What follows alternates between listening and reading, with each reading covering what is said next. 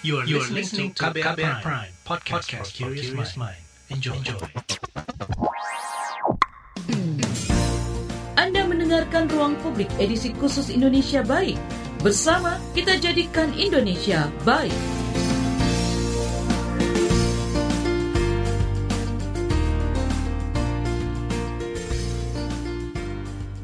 Selamat pagi, kita berjumpa kembali dalam Ruang Publik Indonesia Baik KBR. Dan tema pagi hari ini, suarakan hak disabilitas lewat komedi. Menyuarakan hak kemanusiaan sekarang bisa melalui banyak cara. Salah satunya komedi. Komedi pun juga dianggap ampuh karena memiliki penikmat khusus. Dan banyak hal juga ya yang dapat disuarakan lewat komedi, di antaranya adalah hak disabilitas. Sejumlah komedian aktivis disabilitas menyebut bahwa penyuaraan hak disabilitas merupakan hal yang tidak boleh berhenti. Karena hingga kini masih banyak sekali hak-hak disabilitas yang belum terpenuhi. Lalu bagaimana cara yang ampuh dalam mengadvokasi hak kemanusiaan lewat komedi ini? Untuk membahasnya, kami akan hadirkan penjelasan komedian Jaka Ahmad atau yang akrab disapa Blind Man Jack dan Koordinator Umum Bravo for Disabilities, Tri Cahyadi Arif. Pada kesempatan kali ini kita akan menyimak perbincangan Fitri Anggreni bersama komedian disabilitas Blind Man Jack. Bang Jack, merupakan salah satu komedian disabilitas. Isu yang diangkat sebagian besar pasti soal disabilitas ya Bang ya. Mengapa Bang menyuarakan persoalan disabilitas ini melalui komedi? Um, karena saya bosan dengan yang serius sebenarnya ya. Jadi kalau kalau boleh cerita sedikit, background saya kan memang memang aktivis. Saya uh, ya banyak melakukan kegiatan advokasi dan itu lebih banyak ke sektor formal. Jadi mungkin ketemu dengan uh, pemerintahan, ketemu dengan stakeholder-stakeholder, mungkin juga dengan teman-teman dari jejaring yang lain dan itu uh, biasanya kan dalam bentuk rapat atau diskusi yang di mana di situ cukup cukup serius. Nah lama-lama kok ngerasanya agak jenuh ya kalau misalnya ngomongnya serius uh, seperti ini terus gitu. Uh, lalu muncullah kesenian yang dibilang stand up comedy dan saya pikir nih kayaknya bisa nih saya deliver message lewat stand up comedy dan sepertinya uh, lebih luas uh, apa namanya uh, uh, pengiriman pesannya gitu kan. Tidak hanya kepada kelompok-kelompok tertentu saja tetapi kepada kelompok yang lebih luas lagi. Nah artinya saya tetap menghargai bahwa advokasi versi formal itu tetap diperlukan. Memang harus ada yang audiensi, harus ada yang mendekati pemerintah dan lain sebagainya. Tetapi akhirnya saya mengambil porsi e, melalui stand up comedy supaya bisa menyentuh masyarakat lebih luas lagi dan message-nya bisa diterima dalam kondisi yang lebih ringan aja. Itu sih sebenarnya. Uh, sejak kapan Bang uh, mulai memilih jalan ini dan mungkin ada momen gitu yang membuat Bang Jack memilih jalan komedi ini? Uh, ya ya, sebenarnya dulu, uh, tahu stand up komedinya sih pertama nonton Eddie Murphy ya, uh, stand up-nya Eddie Murphy, terus kayaknya, eh, seru banget nih, uh, dia ngomongin ngomongin tentang, uh, uh, rasial kulit hitam juga waktu itu, uh, meskipun tidak terlalu tidak terlalu spesifik gitu ya. Tapi itu pengalaman yang menyenangkan buat saya, Uh, terus fast forward ke 2011 stand up comedy mulai muncul ada di TV waktu itu ada di beberapa TV terus muncul kompetisinya juga dan saya uh, ketika itu mikirnya ah ini kayaknya asik nih buat dijadiin media untuk uh, publikasi media untuk edukasi gitu. Nah uh, dari situ sih sebenarnya saya apa benar-benar terinspirasi untuk ah ya udah cobain deh stand up nah terus akhirnya saya nyoba open mic nyoba open mic uh, alhamdulillah pecah terus saya mulai rajin apa nulis lebih banyak lagi. Sampai akhirnya ya uh, mulai saya bisa perform di sana sini gitu. Boleh diceritakan apa uh, misalnya uh, contoh dari uh, stand up yang pernah abang bawakan uh, terkait dengan kampanye disabilitas ini bang? Ya misalnya saya ngomongin tentang Eh, perbedaan antara kata cacat dan disabilitas. Gitu. Jadi itu oh, jadi satu materi saya di mana sebenarnya kalau cacat itu eh, kenapa cacat itu merendahkan gitu ya, eh, merendahkan harkat manusia. Saya bilangnya eh, kalau saya eh, sesuatu yang rusak itu mungkin uh, nilainya akan kurang atau mutunya akan uh, nilainya akan hilang atau mutunya akan berkurang gitu kan mobil juga kalau penyok uh, pasti harganya akan turun gitu tapi kalau manusia diciptakan dengan disabilitas ya itu bukan rusak sebenarnya. Kita mah custom aja gitu. Jadi lebih kepada modifikasi gitu. Kita nih manusia-manusia yang dimodifikasi, makanya harusnya harganya naik bukan turun. Itu itu salah satu ini ya salah satu bit saya yang um, mencoba untuk menggugah bahwa bahwa kenapa kita lebih pengen pakai kata disabilitas atau kata difabel dalam penerimaan bang, seperti apa kalau teman-teman disabilitas sendiri uh, menerima komedi yang abang sampaikan ini? Awalnya pada kaget ya, pada kaget kok lo ngomongnya gitu sih gitu kan apa uh, istilahnya kayak gitu deh. Kok disabilitas dijadiin candaan, tapi mau gimana? Emang kenyataannya seperti itu kok artinya kalau kalau ditelaah lagi materi saya satu persatu itu semua saya ngomongin tentang kejadian yang memang memang benar-benar terjadi. Dan memang lucu gitu loh artinya itu hal-hal lucu yang terjadi. Dan itu bukan bukan karena disabilitas kita tapi karena ulah orang lain yang nggak tahu caranya berinteraksi dengan orang dengan disabilitas, caranya memberikan layanan terhadap disabilitas, caranya membuat fasilitas untuk orang disabilitas. Nah, sehingga kelucuan-kelucuan ini terjadi. Nah, kalau ketika kelucuan-kelucuan ini saya share ke, ke orang, orang ketawa, tapi ketika mereka ketawa, mereka juga menyadari, oh iya ada kesalahan di situ. Jadi ada ada kalau saya bilangnya oh iya momennya gitu loh. Jadi dia kita kan pernah kan ketawa gitu ya. Oh, oh, oh, oh iya juga ya gitu kan. Apa kalau kalau ketawa kan suka gitu gitu kan. Nah itu yang saya bilang iya momen gitu loh. Artinya uh, setiap saya mendeliver materi saya uh, saya coba untuk ada iya momen itu supaya orang jadi ngerti. Oh iya sebenarnya salah gua ya orang gue yang bikin trotoar orang orang gue yang bikin tiang di situ gitu kan. Orang gue yang bikin tangga gitu. Bukan bukan salah mereka bukan salah kursi rodanya bukan salah orang yang nggak bisa ngelihat gitu tapi pernah nggak Bang dapat kritikan keras atau dapat kecaman gitu dari kelompok-kelompok disabilitas terkait dengan uh, gaya uh, komedi Bang Jack ini? Alhamdulillah kalau yang keras belum, tapi intensif ada gitu ya. Mudah-mudahan sih nggak sampai disomasi, jangan.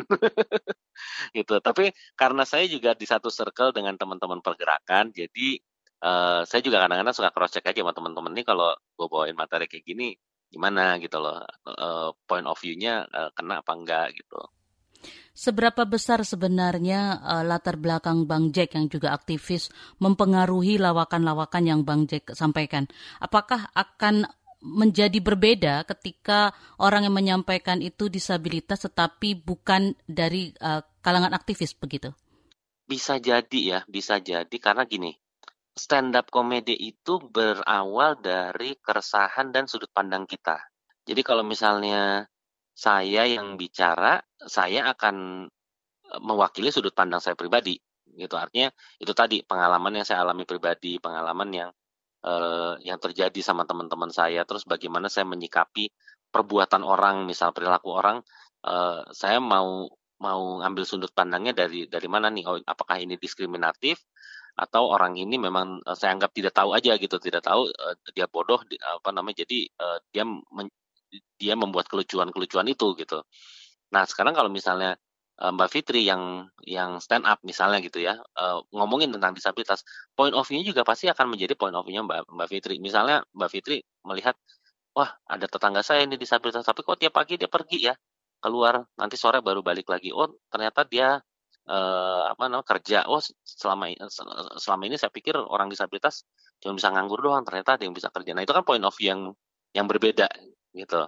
Itu nah itu yang biasanya memang akhirnya selalu kita gali kalau misalnya sebagai stand up uh, stand up komedian uh, karena berdasarkan pengalaman pribadi orang-orang uh, juga sebenarnya. Gitu. Tapi seberapa sering sih kalau Bang Jack lihat uh, para stand up komedi itu membawakan uh, materi tentang disabilitas ini? Nah, banyak sebenarnya stand up komedian yang lain bawain materi tentang disabilitas gitu ya, tapi ya mereka juga dengan kalau menurut saya dengan ketidaktahuan mereka gitu. Artinya uh, seperti misalnya ada yang bilang uh, wah ini orang buta berarti dia tidak bisa memandang masa depan ya misalnya kayak gitu gitu kan intinya apa namanya? Berarti dia tidak bisa memandang masa depan. Memandang yang depan dia aja nggak bisa gitu. Nah e, itu kan adalah point of view dia ketika dia tidak tahu bahwa tunanetra juga sebenarnya adalah orang yang punya visi misi juga gitu kan. Udah punya punya pandangan ke depan juga pandangan dalam, kata yang tidak letterlek gitu kan. Nah jadi e, ini yang sebenarnya e, menjadi menarik. Banyak sekali komedian-komedian yang memang bercanda atau mengkomedikan e, disabilitas dan akhirnya menimbulkan ketersinggungan dari teman-teman disabilitas. E, menurut saya pribadi ini agak tidak fair buat buat komediannya justru. Karena kalau misalnya dia punya sudut pandang yang salah ya udah benerin aja gitu loh. Artinya diajak ngomong aja di, di dialogin aja gitu. Nggak usah nggak usah terus dipenuhi apa uh, comment sectionnya dengan makian dan lain sebagainya gitu. Artinya artinya kita kan jadi tahu gitu. Oh point of view dia seperti itu uh, dan itu keliru. Ya udah kapan waktu kita ada apa kita bisa bisa ketemu atau kita bisa posting di Instagramnya dia mungkin atau mana udah kita edukasi aja pelan-pelan gitu. Iya, tadi Bang Jack menyebutkan kalau komedi ini uh, merupakan salah satu cara yang bisa uh, menjangkau masyarakat lebih luas begitu ya. Nah, tapi apa apa bisa dikatakan uh, materi komedi dari Bang Jack ini adalah dark jokes dan kita tahu nggak semua orang bisa atau tersampaikan uh, pesannya lewat dark jokes begitu. Jujur ya Mbak ya, saya sampai sekarang tuh juga masih bingung gitu sebenarnya dikatakan dark jokes itu seperti apa sih? Karena kalau saya menyampaikan kisah kita kisah hidup saya yang getir gitu ya uh, tapi lucu itu menurut saya ya udah jokes aja gitu loh. Artinya saya, saya, saya tidak mengkategorikan itu sebagai dark jokes. Jadi uh, apa um, concern saya lebih kepada message-nya akan nyampe atau tidak. Uh, kata yang saya gunakan akan uh, akan mudah dicerna atau tidak. Kasus yang saya angkat ini familiar nggak dengan dengan masyarakat sekitar gitu.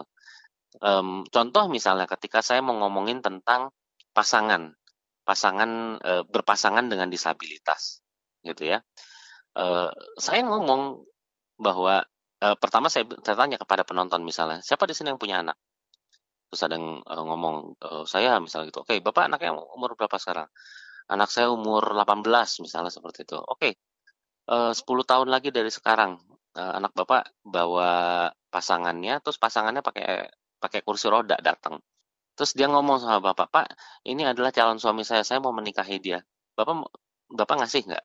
Dengan saya membuka itu di awal, saya sebenarnya menyampaikan bahwa ini adalah common case yang terjadi di masyarakat. Dan mereka mengaminkan itu, artinya iya juga ya, gue kalau dihadapkan dengan situasi kayak gitu, gue pasti mikir gitu. Baru dari situ saya masuk kepada jokesnya. Jadi yang saya pikirkan adalah apakah materi yang saya bawa itu ya relate atau tidak dengan dengan kehidupan or, orang yang nonton um, komedi saya. Jadi mengajak masyarakat untuk memikirkan kalau persoalan itu terjadi pada mereka, begitu ya, Bang? Ya? Betul, ya? hmm. betul. Dan biasanya sudah terjadi juga. Artinya pasti mereka pernah deng apa pernah dengar juga gitu kan interaksi dengan orang dengan disabilitas, misalnya ada tetangganya yang wah bingung gitu, bagaimana sih ini e, berinteraksi dengan disabilitas dan lain sebagainya gitu. Jadi saya tidak pernah secara sengaja wah saya bikin satu setlist dark joke semua nggak pernah gitu yang yang saya pikirin pokoknya udah saya bikin jokes uh, saya pastikan itu relate atau tidak dengan orang-orang setelah itu saya lempar udah nah biasa orang yang justru yang berkomentar uh dark jokes nih gitu. padahal eh, ya sudah mau dikategorikan dark jokes ya silahkan aja Ruang Publik KBR Indonesia Baik edisi hari ini adalah rekaman, jadi kami tidak bisa menerima pertanyaan dari pendengar. Jangan ke mana-mana, terus simak Ruang Publik Indonesia Baik. Masih Anda dengarkan Ruang Publik KBR. Commercial break. Commercial break. Sudah tahu yang satu ini. Sekarang kabar baru ada di playlist teman perjalananmu. Kamu masih bisa update dengar berita terbaru sambil dengerin lagu kesukaanmu. Semua bisa kamu dengerin di playlist Daily Drive Spotify.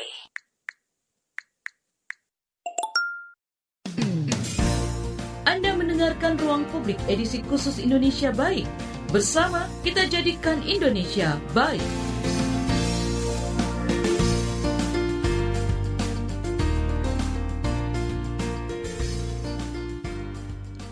Anda masih mendengarkan Ruang Publik KBR edisi Indonesia Baik.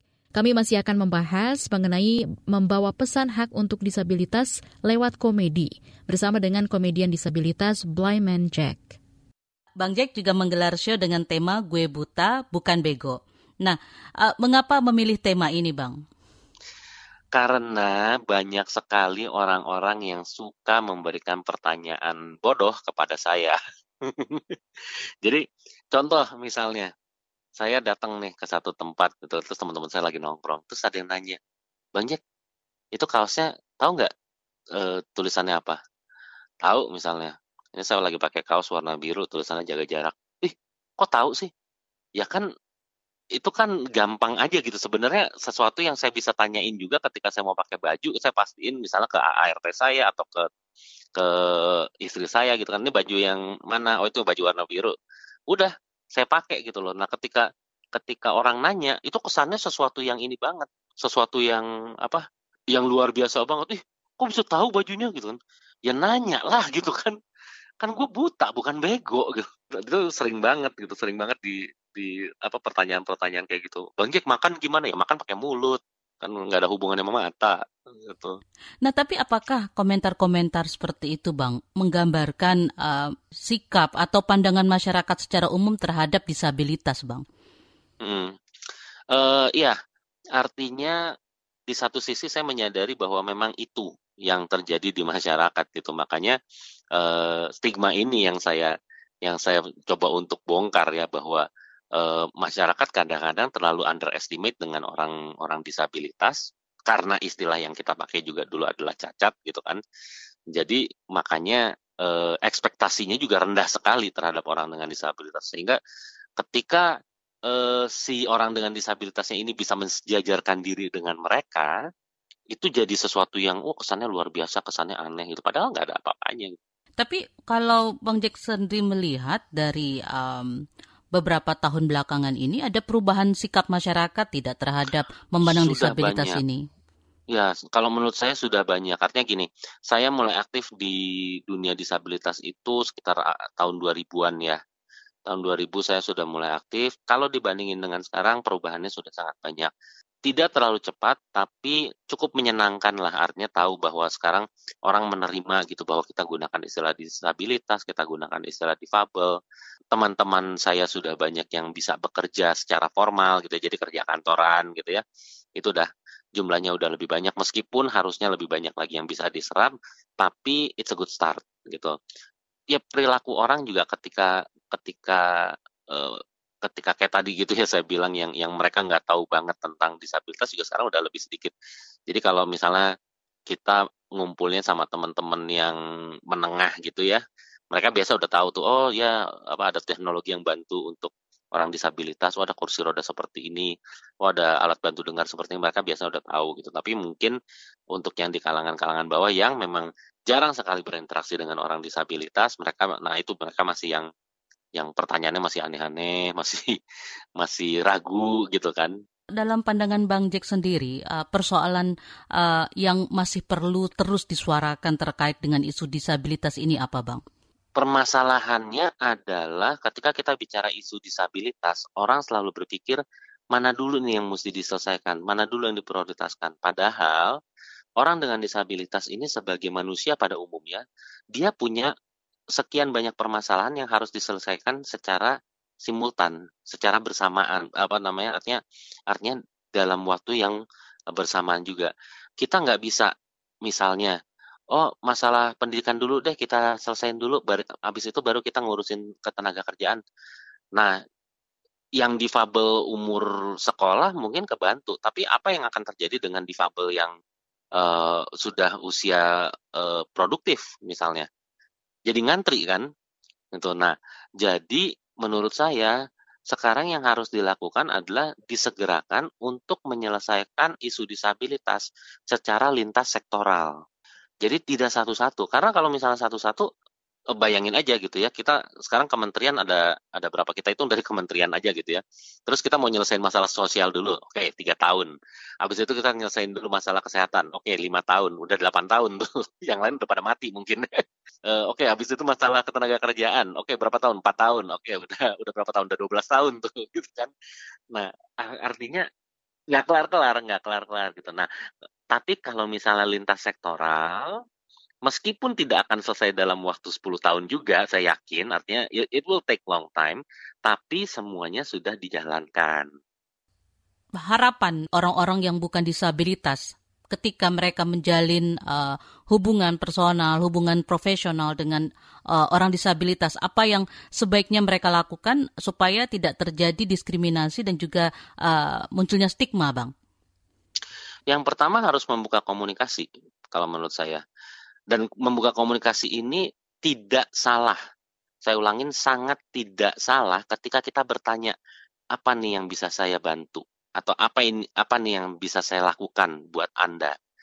Atau misalnya bagaimana saya bisa bantu Anda. Nah, itu adalah pertanyaan-pertanyaan yang wajar yang nggak perlu takut untuk disampaikan eh, karena kita juga akan akan dengan senang hati uh, memberitahu supaya kita bisa bekerja dengan nyaman, supaya kita bisa berinteraksi dengan nyaman gitu. Kan sering misalnya kita misal saya aja sering gitu loh. Lagi jalan uh, masuk stasiun MRT misalnya gitu ya. Terus tiba-tiba saat pamel langsung ngegandeng saya, langsung ditarik gitu kan. Itu tidak nyaman buat saya gitu loh. Nah, tapi kalau misalnya dia menawarkan bantuan, Pak, mau dibantu? gitu kan. Uh, oh ya saya mau ke bawah misalnya gitu kan. Terus dia nanya pak ini gimana nih pak cara nuntun yang benar? misalnya kayak gitu. Itu akan membuat kita nyaman. Dia nyaman saya juga nyaman gitu. Jadi komunikasi itu sangat penting. Bertanya itu sangat penting. Gak usah takut. Orang kadang-kadang ah gue mau nanya takut dia marah gitu kan intinya ada apa namanya stigmanya kan oh penyandang disabilitas tuh nggak ini nggak apa uh, uh, sensitif gitu gampang tersinggung. Padahal nggak kayak gitu juga. Mungkin pesan untuk pendengar KBR, Bang, uh, yang mendengarkan perbincangan pagi ini terkait dengan uh, menimbulkan empati dan simpati kepada teman-teman disabilitas dan bisa menjalin hubungan dengan baik, mungkin seperti apa? Pertama, bisa beli tiket saya karena karena di situ selain uh, selain ada hiburan, ada edukasinya juga. nah, yang berikutnya adalah um, itu tadi balik lagi kepada jangan segan-segan untuk bertanya, jangan segan-segan untuk ngobrol kalau misalnya ketemu di entah itu di kereta, entah itu lagi di Transjakarta. Kalau memang ada kesempatan dan terlihat misalnya si orang dengan disabilitasnya lagi santai uh, bisa ngobrol, silahkan aja uh, uh, ngobrol. Dan yang paling penting adalah jangan pernah berpikir kalau kita tahu solusi untuk mereka gitu um, karena sebenarnya yang paling tahu solusi untuk kita adalah kita sendiri gitu loh. Mental seperti itu yang harus dihilangkan oleh oleh teman-teman non disabilitas bahwa stop melakukan atas nama teman-teman disabilitas gitu jadi tanya ke kita apa yang apa yang kita bisa lakukan nih itu setelah itu teman-teman bisa bisa support Apakah ini banyak terjadi bang soal uh, soal uh, salah paham tentang kebutuhan disabilitas ini oleh orang-orang non disabilitas bang? Sangat sering terjadi. Contohnya adalah panti misalnya. Ketika ketika panti dibuat, orang-orang non disabilitas mereka nih yang mikir ah orang buta kan bisa ngeraba nih perabaannya pasti sensitif udah suruh aja ngajarin mijet aja oh perasaannya mereka kuat kan ya udah suruh belajar musik aja padahal mungkin mereka tidak mau apa namanya bukan bukan passionnya mereka untuk ke situ. Saya saya uh, disclaimer dulu ya, uh, saya tidak bilang bahwa pekerjaan pijat dan musik itu jelek, tidak, tidak sama sekali. It's a good job, it's an honest decent job. Kita semua setuju itu ya. Tapi kita juga setuju bahwa itu bukan pilihan semua orang, gitu. Nah, tetapi ketika teman-teman masuk ke panti, mereka tidak punya pilihan, dan itu diberikan oleh orang-orang non disabilitas yang berpikir bahwa ini yang bagus buat kamu gitu tuli udah kamu salon harus harus ininya di di salon atau di menjahit karena kan kamu nggak bisa nggak bisa dengar gitu. E, kalau yang tunadaksa kamu bengkel aja, permesinan aja atau elektro aja. Kalau elektro kan nggak bahaya, kamu cuma solder-solder doang, bisa sambil duduk ngerjainnya gitu. Tapi tidak pernah di asesmen e, lebih lanjut. Padahal mungkin dia e, bayangin aja kalau misalnya ternyata dia punya kemampuan komunikasi yang bagus, dia bisa jadi PR misalnya, atau dia bisa jadi e, copywriter misalnya, e, ya copy copywriting misalnya. Terus dia disuruh service servis apa elektronik gitu sekali lagi servis elektroniknya nggak jelek pekerjaannya nggak jelek gitu. tapi bukan bukan passionnya dia apakah dia bisa mengerjakan pekerjaan itu dengan baik kan akhirnya enggak ketika dia nggak bisa mengerjakan pekerjaan itu dengan baik eh, dia akhirnya dia juga tidak akan uh, menghasilkan dari pekerjaan itu karena mungkin dia setengah-setengah ketika dia tidak bisa dapat penghasilan dari situ dia nggak bisa hidup gitu jadi pada dasarnya sama saja ya Bang ya, disabilitas non disabilitas mereka punya hak untuk menentukan apa pekerjaan yang mereka mau, begitu kan ya? Betul, mm-hmm. betul. Baik. Mm. Uh, mungkin mau dibagikan Bang uh, apa namanya uh, Instagram atau sosial media Bang Jack untuk uh, pendengar bisa mengetahui tentang show-show Bang Jack. Uh, kalau Instagram saya blindman underscore J, terus kalau YouTube saya ada di blindman Jack. Kalau Facebook juga sama Blind Man Jack. Tinggal di subscribe.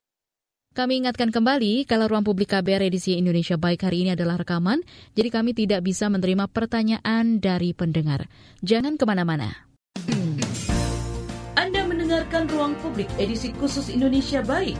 Bersama kita jadikan Indonesia baik.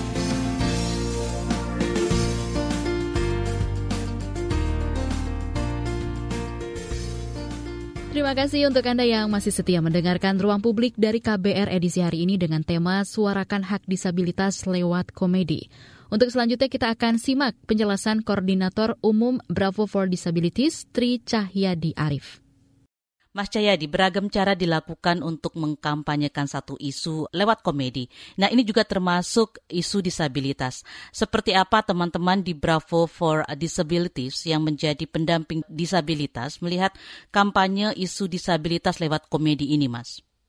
Kalau dari kami, dari Bravo, pertama melihat bahwa tungannya memang komedi ini adalah salah satu uh, media ya, media dalam uh, kampanye tentang uh, apa isu-isu tentang disabilitas uh, menurut saya ini sangat uh, positif ya, baik gitu ya. Uh, karena memang kalau melihat dari uh, keunikan dan keragaman uh, masyarakat Indonesia uh, yang mana memang uh, berbagai cara gitu ya dalam dalam uh, apa uh, menyalurkan uh, informasi atau isu-isunya itu memang uh, dengan komedi emang lebih banyak tertariknya gitu kan ya karena kalau yang serius-seriusan karena suka wah nih uh, apalagi kalau dengan di Instagram sebagainya oh, suka dilewatkan sebagainya ini sangat sangat positif sekali. Namun memang uh, komedi ini memang sangat rentan sekali ya, rentan sekali yang tentang uh, apa namanya uh, uh, apa namanya diskriminasi, candaan dan sebagainya. Juga gimana kita aja sih menangkap uh, pesannya, message-nya dari uh, sebuah komedi tersebut. Saya rasa ini sangat-sangat sangat positif sih dalam dalam upaya uh, uh, menyampaikan isu-isu tentang disabilitas dengan cara komedi itu sendiri. Tapi berarti yang menjadi poin Mas Cahyadi adalah bagaimana cara kita menerima. Bagaimana dengan cara komedian itu menyampaikan isu disabilitas lewat komedi ini, Mas? Apa yang perlu diperhatikan ketika mereka uh, menjadikan isu disabilitas sebagai topik? Iya, yang pertama mungkin kalau saya uh, yang mungkin pesmamin adalah uh, bagaimana tentang namanya pengistilahan ya. Kalau kita uh, pernah uh, mendengar di salah satu uh, apa namanya ada yang istilah yang memang uh, maaf ada kutip ada yang uh, dengan kata gila gitu kan ya. Nah gila itu kan memang kalau dalam dalam istilah itu kan memang kalau uh, pernah terjadi dalam podcast uh, salah satu uh, uh, apa namanya yang, yang podcast tentang tentang yang dulu tentang gila itu kan memang uh, jadinya asumsinya jadi uh, kurang uh, bagi teman-teman disabilitas ada namanya istilah kan uh, ODGJ ya orang dengan gangguan jiwa itu padahal orang dengan gila tentu gila dan sebagainya, gitu kan. Emang ini uh, istilah itu memang kita harus uh, pahami teman-teman dari uh, masyarakat umum khususnya gitu. Apalagi kayak uh, istilah uh, kayak tuli, tuna, apa dua orang mungkin mengenal istilah tunarungu dan sebagainya uh, dan lainnya. Itu sih mungkin dari peng, uh, istilahannya yang memang yang harus kita uh, uh, pahami gitu pesan-pesannya. Selain istilah, uh, bagaimana kan juga uh, kadang-kadang candaan soal disabilitas ini justru menyinggung karena berisian dengan uh, body shaming begitu, Mas. Mm, betul. Iya, uh, ya itu dia memang, memang rentannya dengan dengan dengan dengan body shaming itu sendiri gitu ya. Mungkin kalau saya melihat dari uh, banyak kawan-kawan yang disabilitas saat ini juga banyak yang jadi apa ya, jadi komika kali ya, jadi, jadi komika gitu ya. Satu ya uh, saya pernah selalu mengikuti uh, karya-karya teman-teman disabilitas ataupun teman-teman yang memiliki keterbatasan itu memang sekarang sudah banyak komika. Salah satu kemarin ada uh, uh, sahabat kita uh, Bang uh, Jack gitu ya, uh, Blendman Jack itu kan juga main juga membuat sebuah apa ya komika dengan apa ya, dengan judulnya itu uh, saya buta bukan bego gitu. Nah itu kan sebuah sebuah pesan buat teman disabilitas itu ataupun itu sebenarnya bisa dengan dengan lawakan dengan uh, bukan lawakan ya dengan uh, candaan dengan uh, komik-komika itu tapi ada pesan-pesannya gitu kan gitu dan ada beberapa teman-teman disabilitas yang kayak uh, Dani yang salah Dani Aditya itu yang tubuh lalu uh, ada uh, Adit dan uh, Rian dan sebagainya banyak sih yang uh, dengan disabilitas saya rasa dari disabilitas sendiri sih perannya itu memang sudah sudah ini sih gitu. Tinggal gimana kita uh, apa namanya masyarakat itu melihatnya uh, apa melihat sih itu merasakan potongannya emang pesan-pesannya itu sendiri sih gitu dari teman-teman disabilitas seperti itu. Tapi um, Mas Cahyadi melihat tanda-tanda apa ketika teman-teman disabilitas sudah berani tampil menjadi komedian? Apa yang menjadi catatan dalam hal ini, Mas? Apakah ini satu uh, tanda bahwa uh, ada dinding yang sudah berhasil dijebol, uh, dibongkar sehingga uh, para uh, orang dengan disabilitas juga bisa membawakan isu disabilitas lewat komedi ini, Bang. Iya, iya. Saya rasa emang itu sih sekarang udah ya ada dinding gitu ya. Misalnya sudah sudah mereka sudah uh, berani kan berani gitu ya.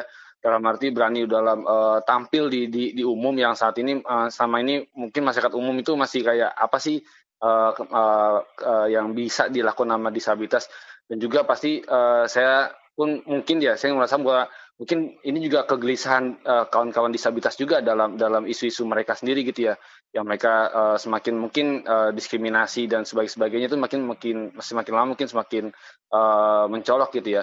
Dan mungkin dengan keberadaan uh, apa ya dengan media komika ini dengan kawan-kawan disabilitas yang memang uh, berperan ini mungkin salah satu yang memang ini dalam membongkar dinding itu sendiri gitu dinding mereka buat Tuhan menunjukkan buat Tuhan mereka itu punya uh, kemampuan dalam uh, sebuah komedi gitu ya. Bagi artinya juga saya melihatnya pesan adalah teman-teman disabilitas ini bukan orang yang harus uh, yang kita ngobrolnya serius gitu ya mereka juga bisa diajak bisa diajak bercanda bisa diajak uh, ngobrolnya asik dan sebagainya saya saya rasa itu positif banget gitu ya dengan dengan ada komika-komika ini artinya disabilitas itu tidak tidak dipandang sepandang uh, mata bahwa mereka itu uh, tidak bisa ataupun punya keterbatasan apa pun itu.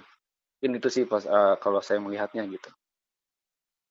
Bravo for Disabilities ya. Boleh diceritakan uh, ini komunitas apa, Mas? Uh, apa yang teman-teman lakukan uh, sebagai pendamping disabilitas?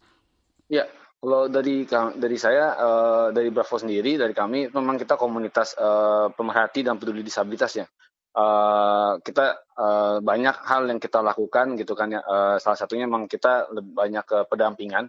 Di mana pendampingan ini kita lebih kepada uh, kayak kita kegiatan uh, mobilitas teman-teman uh, disabilitas, uh, baik itu misalnya teman-teman yang tunanetra punya keterbatasan penglihatan, teman-teman punya keterbatasan dalam uh, mobilitas atau tubuh yang kursi dan sebagainya, ataupun kita juga bantu dalam yang punya keterbatasan dalam uh, pendengaran atau tuli. Kita uh, sering bantu dalam kegiatan-kegiatan. Selain itu juga kita juga ada kampanye penyadaran baik itu uh, melalui media ya, sosial kami gitu kan uh, kita berupaya bagaimana membuat apa namanya menyadarkan masyarakat buat tungannya uh, isu-isu disabilitas kita angkat terus di dalam media-media tersebut. Uh, lalu juga kita ada di pendidikan, kita juga ada uh, ke anak-anak anak-anak dengan uh, punya kedisabilitasan kita uh, ber, berkreasi, lalu kita ajak uh, kegiatan uh, apa namanya pendidikan dan sebagainya. Boleh agak mundur sedikit, Mas. Uh, Bravo Disabilities ini latar belakang uh, munculnya uh, kapan dan apa alasannya, Mas?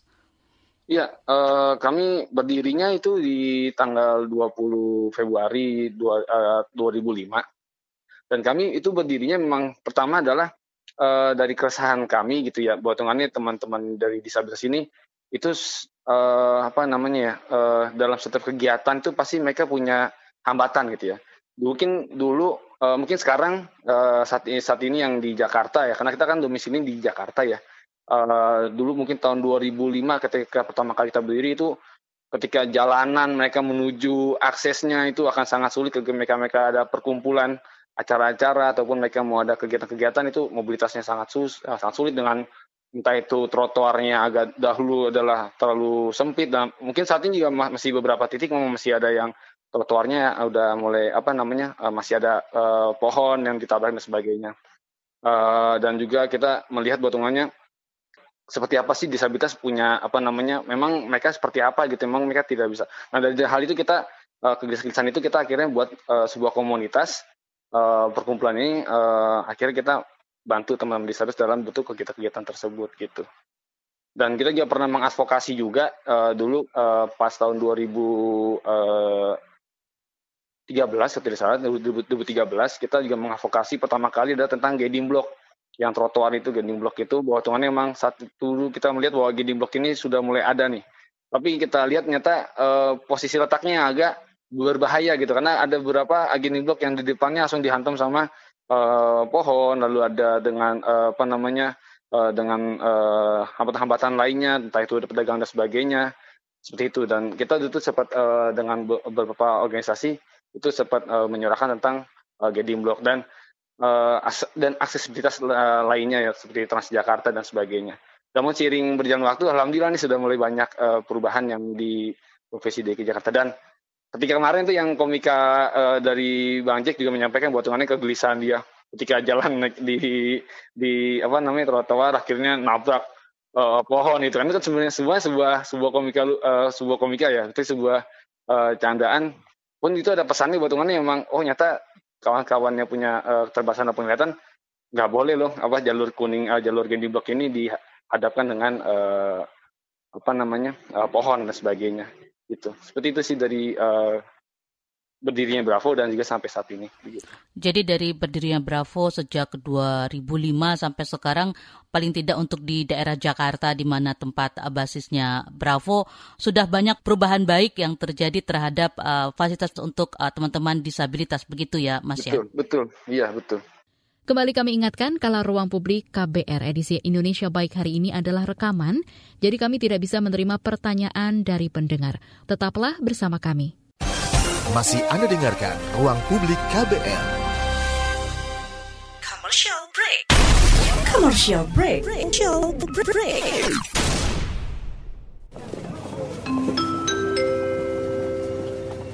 Mohon perhatian.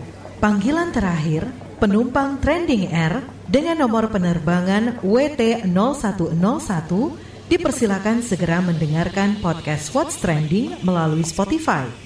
Karena podcast What's Trending sekarang ada di playlist teman perjalananmu. Selamat menikmati. Terima kasih.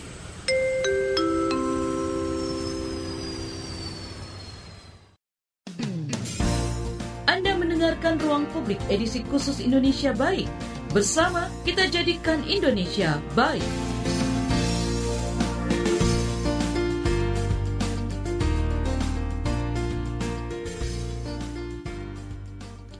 Kita tiba di bagian akhir ruang publik KBR edisi Indonesia Baik. Pada pagi hari ini kita masih menyimak upaya-upaya menyuarakan hak disabilitas bersama Koordinator Umum Bravo for Disabilities Tri Cahyadi Arif dipandu rekan Fitri Anggreni. Nah, uh, kalau untuk pendampingan tadi Mas Cahyadi mengatakan juga um, melakukan berbagai uh, edukasi untuk masyarakat secara umum ya Mas ya. Itu boleh diceritakan lebih lanjut seperti apa bentuk edukasinya, uh, contoh-contohnya Mas?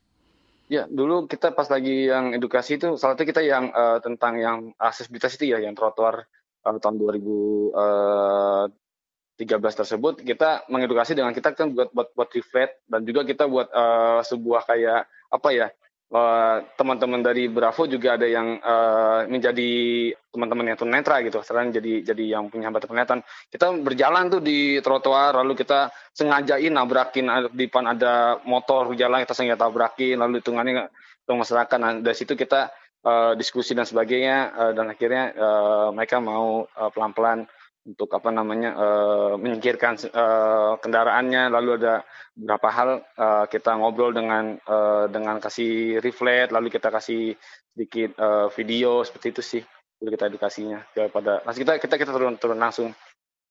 Selain soal akses uh, kepada disabilitas ketika uh, menggunakan fasilitas umum, uh, Mas Cahyadi, apalagi isu-isu yang um, perlu dan harus menjadi concern terkait isu disabilitas yang mungkin sampai saat ini masih uh, kurang mendapat perhatian, terutama dari pemerintah? Kalau saya melihat terutama dari dunia pekerjaan ya, itu ya memang sangat sangat apa namanya kayaknya masih uh, baru beberapa ya. Itu memang kita uh, apa namanya melihat memang masih belum di dunia dunia pekerjaan. Uh, karena memang kalau kita perhatikan potongannya, uh, karena kami juga di Bravo ada berapa banyak yang memang bekerja di dunia uh, guru gitu ya, di dunia pendidikan yang mana memang mengajarkan di lebih ke uh, SLB gitu ya.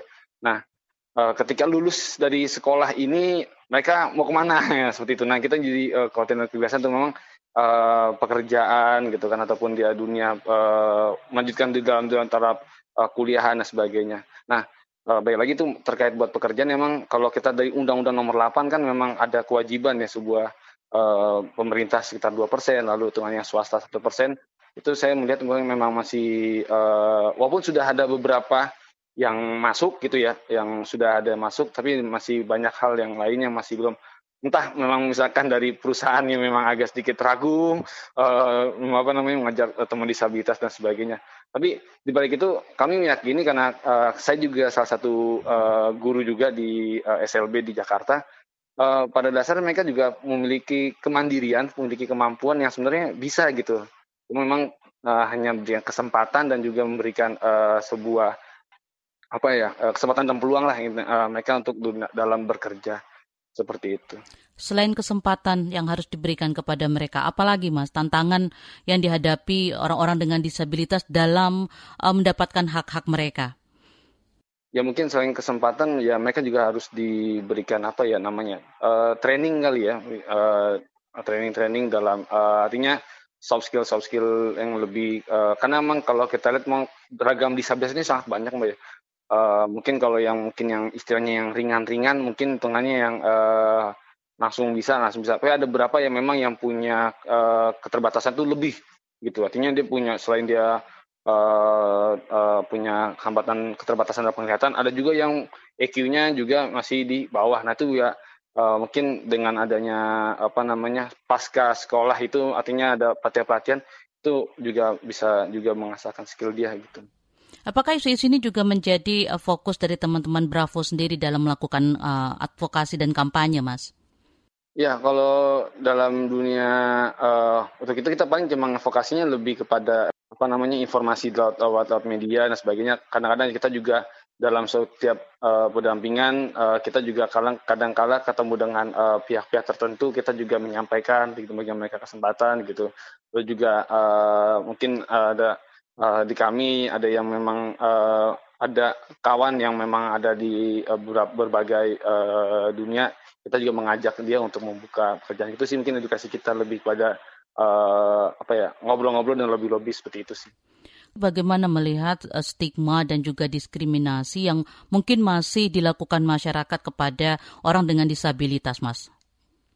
Ya, kalau saya sendiri, ya kalau saya lihat untuk saat ini sih memang sudah agak ya walaupun masih banyak bullying ya khususnya di uh, itu memang uh, masih banyak bullying khususnya di dunia uh, anak-anak dan sebagainya itu memang uh, masih banyak.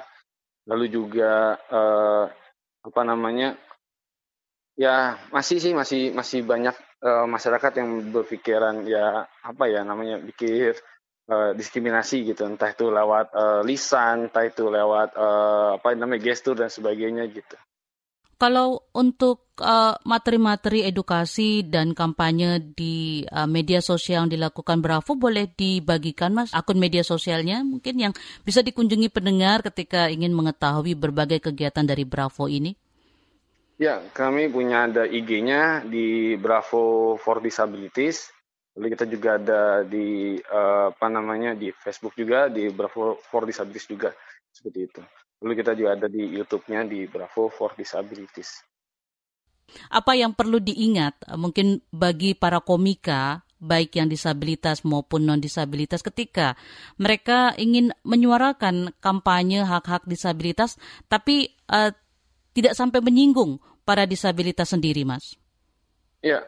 Uh, kok kalau saya sih mungkin kalau tidak menyinggung disabilitas uh, mungkin uh, ya mungkin ada ada ya ada ada beberapa hal gitu ya mungkin ada yang nyinggung. Tapi kalau saya mungkin lebih kepada itu siapa namanya uh, dengan adanya komika ini jelas kalau dari kami melihatnya buat ini ada sebuah gebrakan ya gebrakan uh, cara uh, uh, penyampaian isu-isu disabilitas yang sangat positif dan khusus buat yang tadi yang uh, jika itu komika disabilitas ini ada sebuah apa ya sebuah uh, prestis ya sebuah prestis buat temannya mereka itu mau bercerita walaupun mereka menceritakan tentang uh, apa namanya kekurangannya ceritakan tentang uh, ya pengalaman dia itu bukan berarti dia me, me, apa ya menjatuhkan harga diri dia sebagai tapi ini adalah pesan buat temannya bahwa ya dengan kekurangan yang ataupun dengan hambatan yang selama ini dilakukan seharusnya pemerintah itu harus memberikan uh, uh, memberikan pelayanan yang lebih baik lagi gitu ya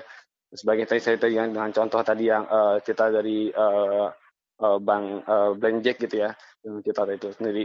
Nah kalau buat masyarakat umum um, kalau ada membahas tentang isu disabilitas, kalau saya rasa sih itunya sangat nggak uh, apa-apa ya sangat sangat baik karena saya rasa teman-teman disabilitas sendiri pun sebenarnya orangnya juga orangnya uh, terima saja gitu ya selagi memang ada hal-hal yang memang uh, harus sebelum menyampaikan tentang isu uh, tentang dunia disabilitas mungkin harus dipelajarin dulu apa itu tentang disabilitas jangan sampai memang uh, hal yang sudah terjadi yang uh, pengistilahan dan sebagainya itu akhirnya terjadi lagi gitu.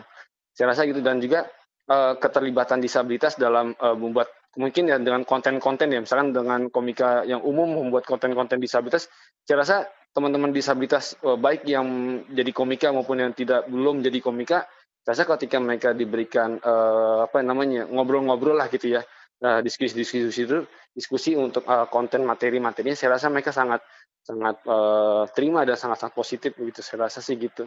Dan untuk masyarakat umum juga saya rasa uh, memandang uh, apa namanya ya materi-materi komika yang disampaikan baik disabilitas maupun disabilitas terkait disabilitas saya rasa harus di berfik, harus uh, berpikir terbuka ya artinya jangan berpikir sempit artinya bukan berarti dia menceritakan jelekan itu memang menjadi lelucon dan sebagainya tapi ini adalah sebuah pesan buat temannya yuk kita bareng-bareng uh, bagaimana dengan masalah yang dihadapi nama disabilitas uh, ke depannya tidak akan terjadi lagi dan sebagainya saya rasa sih seperti itu Demikian Ruang Publik KBR edisi Indonesia Baik dengan tema Suarakan Hak Disabilitas lewat Komedi. Dan bagi Anda yang tidak sempat mendengarkan siaran ini secara utuh, bisa dengarkan kembali di podcast kbrprime.id lalu pilih Ruang Publik. Terima kasih untuk kebersamaan Anda pagi ini. Saya Naomi Liandra undur diri. Salam. Baru saja Anda dengarkan Ruang Publik KBR. KBR Prime, cara asik mendengar berita. KBR Prime, podcast for curious mind.